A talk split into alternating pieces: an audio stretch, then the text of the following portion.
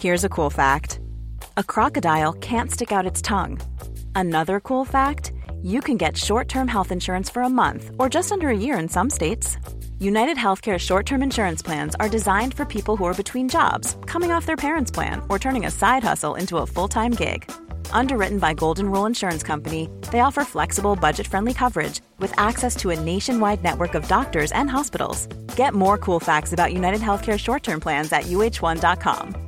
Hey, I'm Ryan Reynolds. At Mint Mobile, we like to do the opposite of what Big Wireless does. They charge you a lot, we charge you a little. So naturally, when they announced they'd be raising their prices due to inflation, we decided to deflate our prices due to not hating you. That's right. We're cutting the price of Mint Unlimited from $30 a month to just $15 a month. Give it a try at mintmobile.com slash switch. $45 upfront for three months plus taxes and fees. Promo for new customers for limited time. Unlimited more than 40 gigabytes per month. Slows. Full terms at mintmobile.com.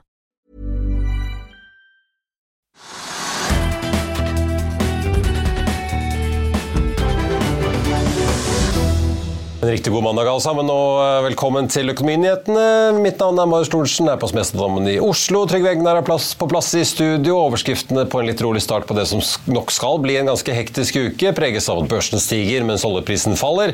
Vi har en ny gigantfusjon i olje. Av Norges største tankredde, Jon Fredriksen, bestiller flere skip.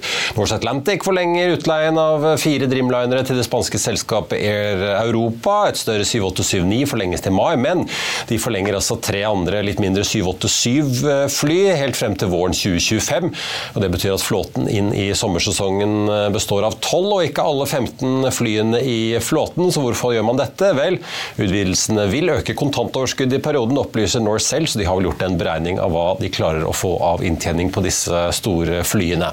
Jeg nevnte en fusjon i oljen. Diamondback kjøper Endeavour Energy i USA i en transaksjon verdsatt til 26 milliarder dollar. Endeavour er den største privateide aktøren i Permian-bassenget i sørvest USA, og de blir da tredje størst etter Exxon og Chevron. Og dette er jo langt ifra da den første fusjonen og oppkjøpet vi har sett i oljenæringen det siste året. Exxon har jo slått seg sammen med Pioneer, Chevron med Hess, Occidental med Crown Rock, én i Italia, og sammen med da vår energi her hjemme har jo da kjøpt Neptune Energy, og britiske Harbour har altså kjøpt Wintershall eh, Dea, så det er mye som skjer i den eh, næringen. Jeg tenkte bare å nevne nøkkeltallene fra markedet også. Hovedindeksen stiger rundt 0,7% i dag etter en ganske tung forrige uke. Oljeprisen har vært ned rundt 1% men ligger fortsatt over 80. 81,25 ligger vi på eh, nå. Asia har vi også sett en oppgang i, men det er jo verdt å merke seg at de kinesiske markedene holder stengt for kinesisk nyttår. Og i USA så ser det bare ut til å stige. Vi endte jo opp forrige uke samlet sett, og futuresene peker også svakt opp i dag, før vi altså får de viktige inflasjonstallene for amerikansk økonomi da for januar måned i eh, morgen. Det ble en tung uke for Equinor særlig, men eh, helt topp for Kongsberg Gruppen Trygve, som steg 10 eh, og noe fredag. Og jammen meg har de ikke krøpet oppover noen prosent til i dag. Helt ja, altså, vanvittig, nesten? Ja, altså, vanvittig ikke vanvittig, men det er ganske imponerende. Det er ikke hver dag du ser det fra et sånt stort etablert selskap? Nei, og det er jo oppgangen i dag er 5% Det er veldig mye. Og Vi hadde omtalt det i forrige uke, og andre har også sett på selskapet. Men det som er interessant med Kongsberg Gruppen, er at det er et sånn tungt, langsiktig selskap hvor alle de riktige tingene, altså tingene stemmer. Og husk på Det det er et sånn høyteknologiselskap. Leverer ikke industriprodukter, men produkter til industrien, til offshoreindustrien, til handelsflåten vår, til uh, annen type industri. og og, og offshoresektoren. Og så er de da innen, innen våpenindustrien. Og Det er det som er det spennende, for at i mange andre land, altså Norge er et lite land, men i mange litt større land så har de en egen stor våpenindustri, og mange følger våpenindustrien i andre land. liksom Hvordan går det nå, hvordan er konjunkturene for krig, og hvor mye selger de, og liksom hvor mye taper og hvor mye vinner de. og det er liksom da, Våpenindustrien er ganske godt kort i, i mange, mange, mange, markeder, men i Norge så har vi ikke brydd oss noe særlig om det. liksom Kongsberg Gruppen er en sånn mastodont, driver masse rart, alt fra shipping til krig. og så har man ikke brydd seg om det. Hvis man ser på kursutviklingen, så er det helt vanvittig. altså da Siste året, altså ikke dato, men altså da, siste året omtrent, så har det gått 60-70% opp.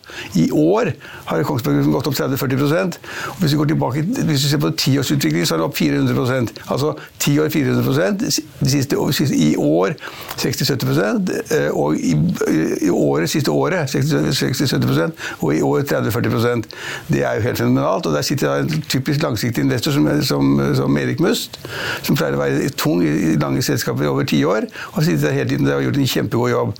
Så det er jo kjempespennende. Og så sier da selskapet Det er selvfølgelig at det er ikke krigen som gjør det. Vi har vært gode lenge, vi driver med alt mulig teknologi, og det er helt riktig. Men det er jo åpenbart at liksom, hvis man tenkte sånn som man gjorde i andre land, da, hvor man følte, følger øh, våpenindustrien veldig nøye, så, og det er korrelert med liksom, hvor mange kriger du har, og hva som dør, og hva som skjer, litt grann, satt på spissen, så er det slik at det at Ukraina-krigen og Gaza-krigen og alt annet er positivt for Kongsberg Gruppen. Og det skyldes jo det at noen, Jeg er ikke ekspert på forsvarsmateriell, men altså, noe av det de driver med, er jo da på en måte raketter som skyter ned andre raketter. Luftvern og Luftvern, så du har, du har, du har liksom et luftvernsystem rundt byer i Ukraina, i Europa og mange andre land. I Gaza, i Israel. DC bruker de Ja, NASAM-systemene ja, til eh, Kongsberg og amerikanerne. Ja. Ja, og Israel kommer det ikke altså I Israel er det et enormt uh, luftvernsystem rundt uh, hele, landet og alle byene. For de skyter da, skyter raketter fra, fra fra motstanderen hele tiden. Fra, enten det er fra Jordan eller skyter fra Libanon. Eller skyter fra, fra nord, ja. ja de, de skyter overalt. Syria og Irak og liksom, det får det hele tiden, hele. Og i dette arbeidet her, hvor man skal liksom unngå å bli skutt, altså bli, blir pepret med raketter, nemlig da skyte ned rakettene før de når målene sine i de landene du skal forsvare, så har Åmar Kongsberg Gruppen en stor eh, markedsandel. De er gode, og hvis jeg ikke husker helt feil, så bestilte jo staten for noen måneder siden ekstra, liksom da, ekstra antall raketter. Ja, For vi har jo sett masse til Ukraina, så vi må jo fylle på selv. selv. må fylle på selv. Poenget er at de tjener åpenbart gode penger. La oss si, la oss si at de tjener røftlig 10% i året eller sånn nå. De tjener penger hele tiden, de finner på nye hele tiden, ting hele tiden. Og de rakettsystemene de har, er åpenbart jævlig gode. Derfor blir de godt betalt. Så det selskapet er altså midt i blinken for de som da, de som da investerer i våpenindustrien generelt, og satser på det som en bransje. Ikke sant? Vi skal inn i shipping, og vi skal inn i, inn i handelsvarer, og vi skal inn i forsikring eller bank eller hva det skal være. Andre store investorer har satset på våpenindustrien, og vi har selskapet i Norge, og det syns jeg er ganske morsomt. Og så kan du si at da, nå nå har kursen gått ganske mye og så og jeg tror den prises ganske høyt da, internasjonalt. Sånn, Noen analytikere som begynner å få litt høyt de sier at altså. price, Ja. er på 20 eller 15 eller hva det måtte være. Det er, og det er sikkert veldig høyt, men det er åpenbart at krigen i Europa, altså hvis Russland fortsetter som de gjør nå, og krigen i, på Gazastripen og andre steder, det er liksom da det er veldig bra for et, et selskap som Kongsberg Gruppen. Og så vil de aldri selv si det er veldig bra for oss at det er krig. Det vil ikke si. Men analytikerne, de som kjøper aksjer, de kan si det. At Kongsberg Gruppen er veldig bra fordi at de nå har altfor mange uh, kriger i Europa og i andre steder, som da ikke er bra, selvfølgelig. Det, krig er jo ikke bra. Men noen skal ha våpen, og noen skal sørge for å få de rakettene som skyter ned de angrip, angripende rakettene. Og Russland kommer til å kanskje til å skyte, skyte mot da Ukraina i årevis fremover. Og så må Ukraina få nye raketter, så må Russland ha nye raketter, og så må da Israel ha nye raketter, ikke sant? og så må da Libanon ha nye raketter, og så har du det gående. Og i den situasjonen så er da Kongsberg Gruppen det tøffe selskapet som man tjener penger på. Og det er jo, ja, Vi kan jo si det litt kynisk sagt, de får jo en ekstremt god reklame når du kan sitte på YouTube og se på hvordan luftvern fungerer i praksis Ja. når det kommer russiske droner inn. Ja, helt enig. og så er det jo verdt å merke seg at de er jo indirekte da en god del av Nammo, som jo også har fått masse ordre fra regjeringen på ammunisjon og rakettmotorer. Absolutt masse. Det synes jo ikke helt i regnskapet, for det er ikke konsolidert inn, men uh, de sitter jo der som en indirekte eier. og der, Det var litt interessant, Vi hadde jo Geir Håøy, konsernsjefen, med oss på fredag. og han, Jeg utfordret han litt på alle pengene de sitter på på konto. Da, for Selv om de øker utbyttet, så er det mye penger i omløp internt. eh, Men han var jo, sa jo det at de vil jo også helt ikke ha en sterk balanse, men de vil jo kanskje ha mulighetene til å kunne agere på muligheter. Så hvem vet? Nå kommer Finland og Sverige inn. Kan jo være at det skjer noe strukturelt her i forsvarsindustrien eh, fremover også. Ja, altså, men det er et godt poeng du de skal også øke utbyttet også, fordi at de har så mye penger at de vet ikke hva de skal gjøre av det. Og da blir de på en måte en profesjonell, et, et profesjonelt selskap da, som da kan få en, en ny type investorer inn, som vi ikke har i Norge. Vi snakker også om shipping, vi snakker om bank, som jeg sa. Vi snakker om alt annet enn våpenindustri, og så har vi selskapet uten at det snakkes noe særlig om. Og der sitter det et par proffe investorer, en tidligere finansdirektør i Høk, veldig kjent, god investor, sitter der og har plassert alle pengene der. Og Erik Must sitter der, han som da også har Gyldendal og, og eh, hadde et, et finansselskap. Ja. Fondsfinans, ja. Fondsfinans hadde han da, men nå driver det stort sett de driver ikke Fondsfinans som meglerselskap, men som da ja, meg, finansmegler eller hva det måtte være. Men han sitter da i helt andre bransjer. Altså ikke sant, Det er Gyldendal og Ark, de som er bokhandler osv. Men han sitter dypt forankret i et selskap som er som, Det er nesten stygt å si det, men sunt i en tid vi lever hvor det er så mye kriger. A lot can happen in the next three years. Like a chatbot may be your new best friend. But what won't change? Needing health insurance. United Healthcare Tri Term Medical Plans are available for these changing times.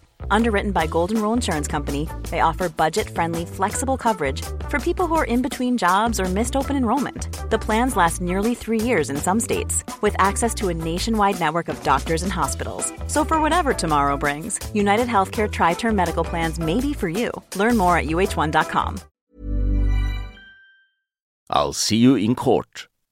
Vi sier det ofte litt på spøk, men for deg som driver business, er det aldri moro å innse at du ikke har laget en 100% gyldig kontrakt.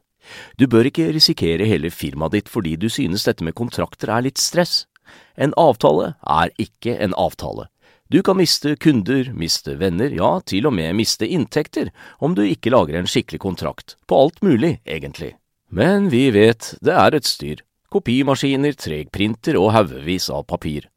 Dessuten stoler vi jo på folk her i landet. Det er ofte litt kleint å skulle be om en signatur for alt mulig, ja, for mye av styret handler også om jakten på underskriften.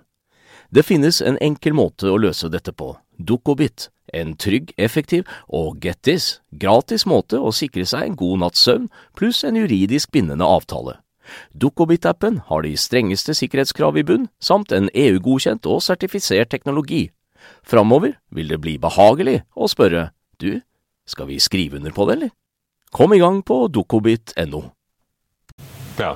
Det gjør Norge interessant for andre Nato-land. Men altså, de har jo en stor oppgave foran seg å håndtere denne veksten. For en ting er jo at liksom ordreboken har jo økt altså den, De fikk jo økte, økte omsetningen til over 40 milliarder i fjor. Det er ikke mange år siden de var på 20. Nei.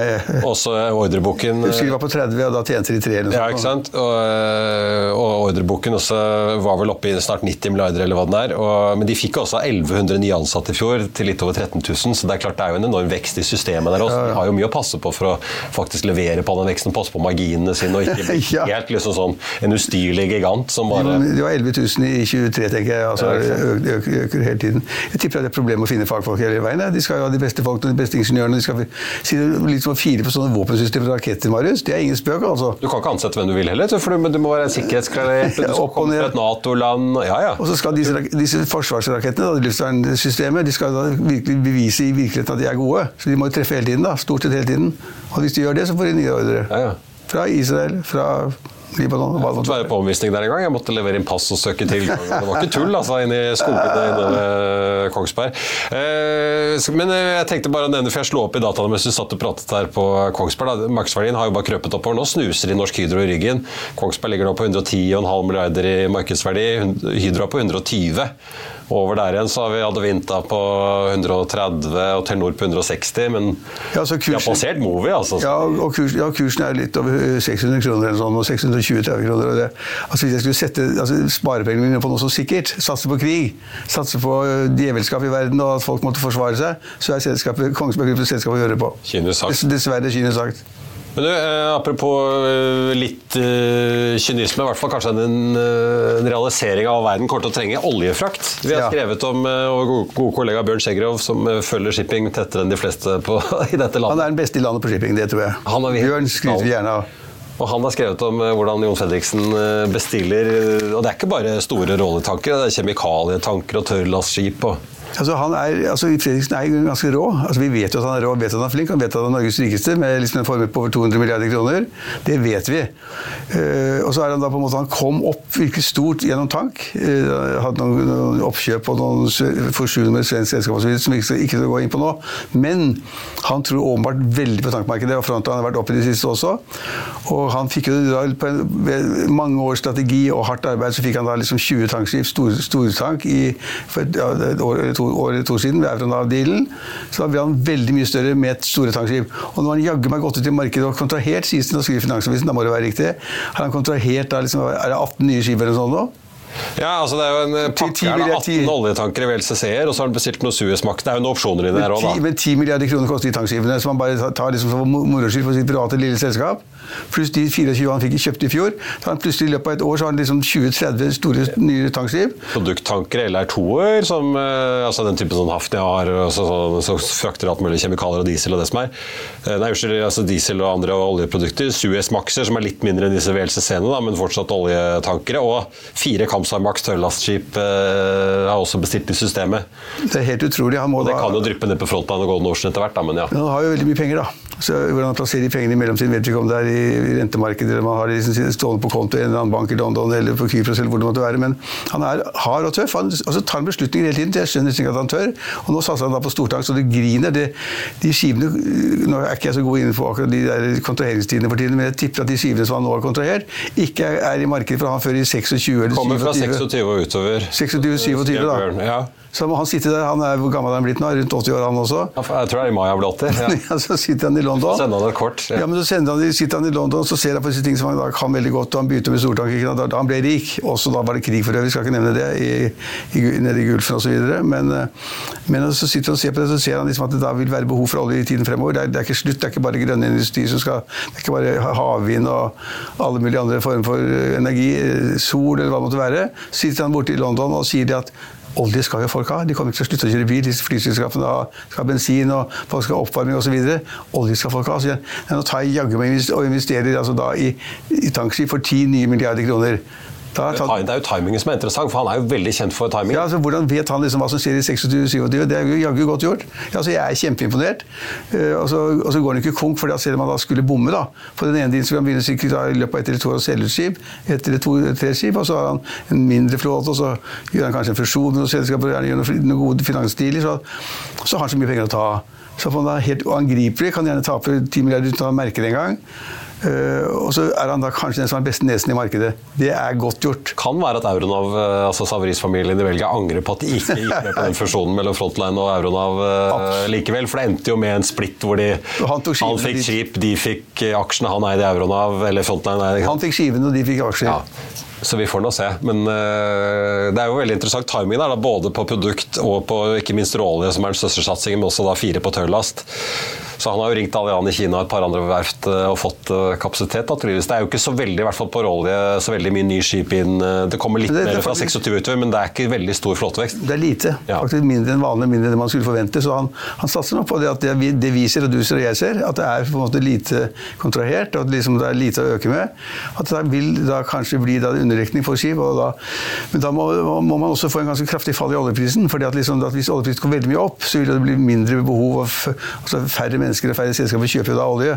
Da har han lite problem, så han satser åpenbart da på et fall i oljen, olje, oljeprisen, samtidig med at da liksom man ikke har så mange skip å, å fylle med.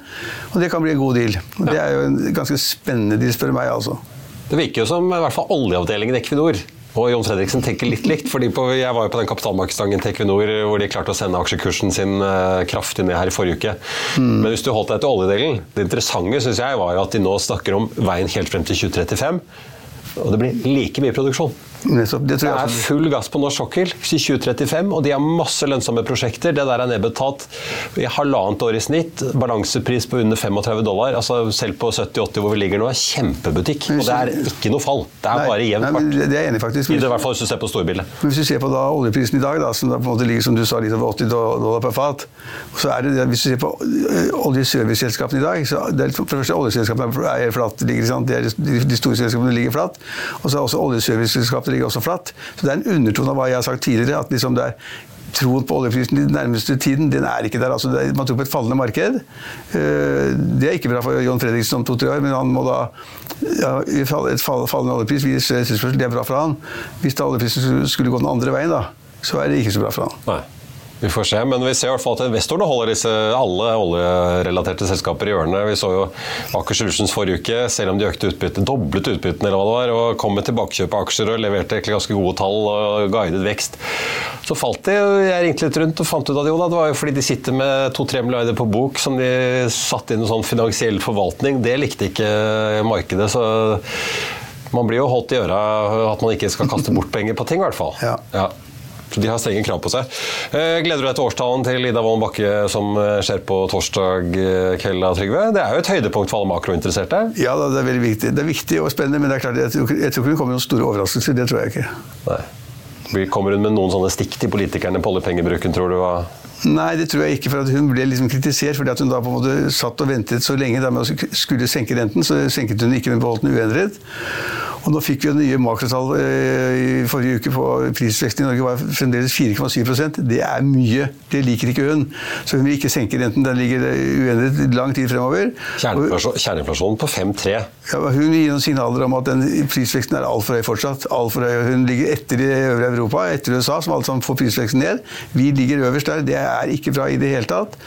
Og den eneste grunnen til at hun skulle ønske å beholde renten høy, er at vi da at vi da øh, unngår den importerte inflasjonen. Det kan gi noen signaler om hvis du vil. Så, men hun gir sikkert signaler om at det går for sakte i Norge.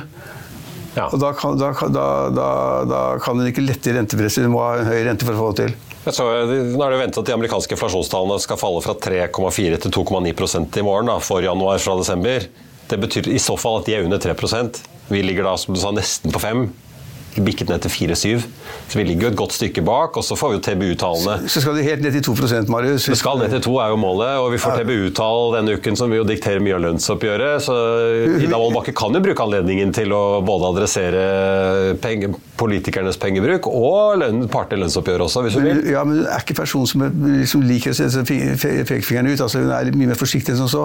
Så hvis hun i det hele tatt gir noen signaler, så er det det med at det går for sakte med prisveksten, og den går ikke ned. Og så vil hun ikke gi finte til eh, LO og NHO i forbindelse med tariffer. Det vil hun heller ikke gjøre, men det kommer kanskje en liten finte på at det går for sakte, og at man ikke kan regne med at hun setter renten ned for lenge ennå. Og De fleste norske makroøkonomer har sagt at renten skal ned i lang tid. De har bomma alle sammen. Og er vi heldige, så er det så vidt hun rører på slutten av året. Ja. Tror jeg. Det blir i hvert fall eh, ikke noe rentekutt før sommeren, kanskje vi får se? Nei, det kan du bare glemme. kan du bare glemme. Uh, ja. Skal du ned på middagen, forresten? Du er vel, ja. sånn, du er vel en av de som har vært der i 30 år, holdt jeg på å si. Ja, ikke sant? Ja. ja. Jeg får håpe på invitasjon en gang i fremtiden. Jeg vet ikke om vi har én plass her på huset. Jeg tenkte i hvert fall, vi får se. Det gikk jo, Apropos disse tankerne til Jons Fredriksen gikk jo rykter om at Aker og Røkke kanskje var i terrenget i noen meglerhus for å kjøpe eh, noe tankskip og litt sånn spekulasjon. Så vi får se om det blir noe av disse ryktene med tiden. Kanskje de liksom kaster seg på karusellen? Skal jeg gjøre som Fredriksen? Kanskje. Joint Ventures. Kanskje. De to har jo ja, vært i kompaniskap før i offshorenæringen med Solstad, de, så. Ja, og så, ja, så har de penger nok. Så har de penger nok takket være Aker BP i hvert fall.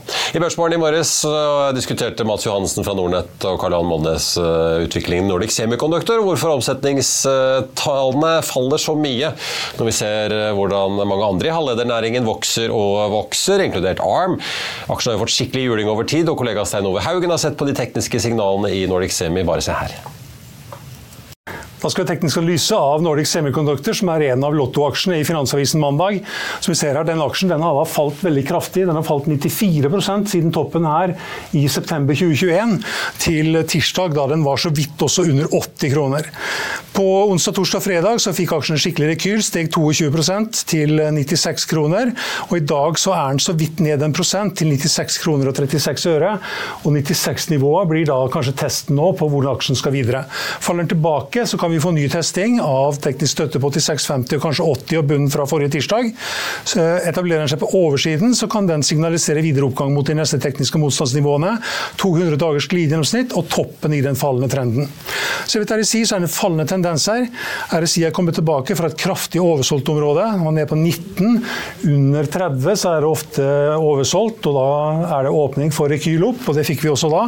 Men aksjen må, eller RSI må også bryte den fallende trendlinjen her og 50-nivået for å signalisere økende stigningstakt og åpne da for videre oppgang i den eh, fallende trenden. Velkommen tilbake. På tappen av sendingen tenkte jeg bare å nevne at hovedindeksen nå eh, ligger opp med 0,8 til 1250 poeng, så vi er ikke helt opp på 1300 pluss som vi har sett eh, den siste tiden og de siste månedene, men det ser i hvert fall ut til at vi får en hyggelig børs, start på børsuken da, etter en ganske begredelig uke i forrige uke der Equinor særlig da dro oss ned. Equinor i dag opp 0,3% Vi har vår Energi opp 0,1 før de altså kommer med sine kvartalstall i morgen tidlig. Og så har vi Aker BP da opp 0,74 akkurat uh, nå. Jeg får ta med, da, som vi snakket om uh, med Trygve her i sted, Kongsberg Gruppen opp nesten 5 4,67 nå til 628 poeng. De har da passert Movi i markedsverdi på Oslo Børs og ligger og snuser, eller puster, får jeg si, Norsk Hydro i uh, nakken over børsens mest verdifulle. Den aksjen steg jo over 10% på fredag etter kvartalsrapporten, så fikk markedet til å juble med både økte utbytter og mange andre gode nyheter. Ellers på mest omsatt-listen så ligger også Frontline Opp 2,5% Der har vi jo da lest rapportene om at Jon Fredriksen, da, ikke via Frontline, men via Seatankers, altså har satt i gang store bestillinger på både råolje og produkttank, i tillegg da til tørrlastskip som også kommer inn i systemet der i eh, gården. Ellers så tenkte jeg også bare nevne oljeprisen 81,31. Det ser ut til at vi får en eh, start rundt nullpunktet på Wall Street når handelen kommer i gang om en 36 minutters eh, tid. En pen avslutning i hvert fall på uken der forrige uke med nok en uke med oppgang får jeg si. Så er det Norse Atlantic, som jeg bare, tenkte bare å nevne. Den aksjen ligger ned 0,8 i dag. De forlenger altså utleien av en del av disse Dreamliner-flyene sine til Air Europa, dette lavprisselskapet i Spania. Og dermed får de da litt kontantinntekter eh, fra en annen part, så de slipper å sette disse flyene i egen eh, trafikk, og får dermed sikret litt eh, inntekt. Tre av flyene er da forlenget helt til våren neste år, mens et av de kommer inn i sommertrafikken i år. Konkurrenten, eller ikke konkurrenten, da, men får jeg si kollegaen i næringen, Norwegian, ned 0,7 eh, Norwegian det er jo en av de siste som kommer med kvartalstallene sine av selskapene på Oslo Børs. Det er fortsatt en liten stund til de tallene er eh, med oss. I Finansavisen i morgen så kan du lese Trygve Egnars leder om landbruksoppgjøret. De ljuger og de tryller. Ja, det skriver Trygve. Mer om det i avisen i morgen, altså. Du kan også lese om hvorfor Pål Ringholm mener næringseiendomskrisen nå har nådd Europa. Det blir børsintervju med Arctics Roy Tilly, som ser muligheter i bankaksjen DNB, og du kan lese om en annen investor som også har fått øynene øynene opp for Nordic Semi, en investor som vanligvis ikke opererer i den næringen, får vi vel eh, si. Det var det vi hadde for deg her i dag, men husk at vi er tilbake igjen med Børsmorgen 08.55 i morgen tidlig. Da får vi med oss da konsernsjefen i Vår Energi, Nick Walker, og deretter så blir det Økonominyhetene 14.30. I mellomtiden så får du som alltid siste nytt på fa.no. Mitt navn er Marius Lorentzen, tusen takk for at du så eller hørte på, så håper jeg vi ses igjen i morgen.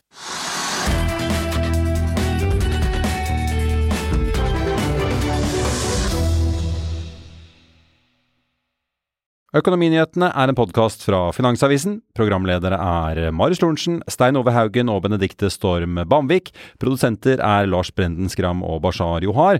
Og ansvarlig redaktør er Trygve Hegnar.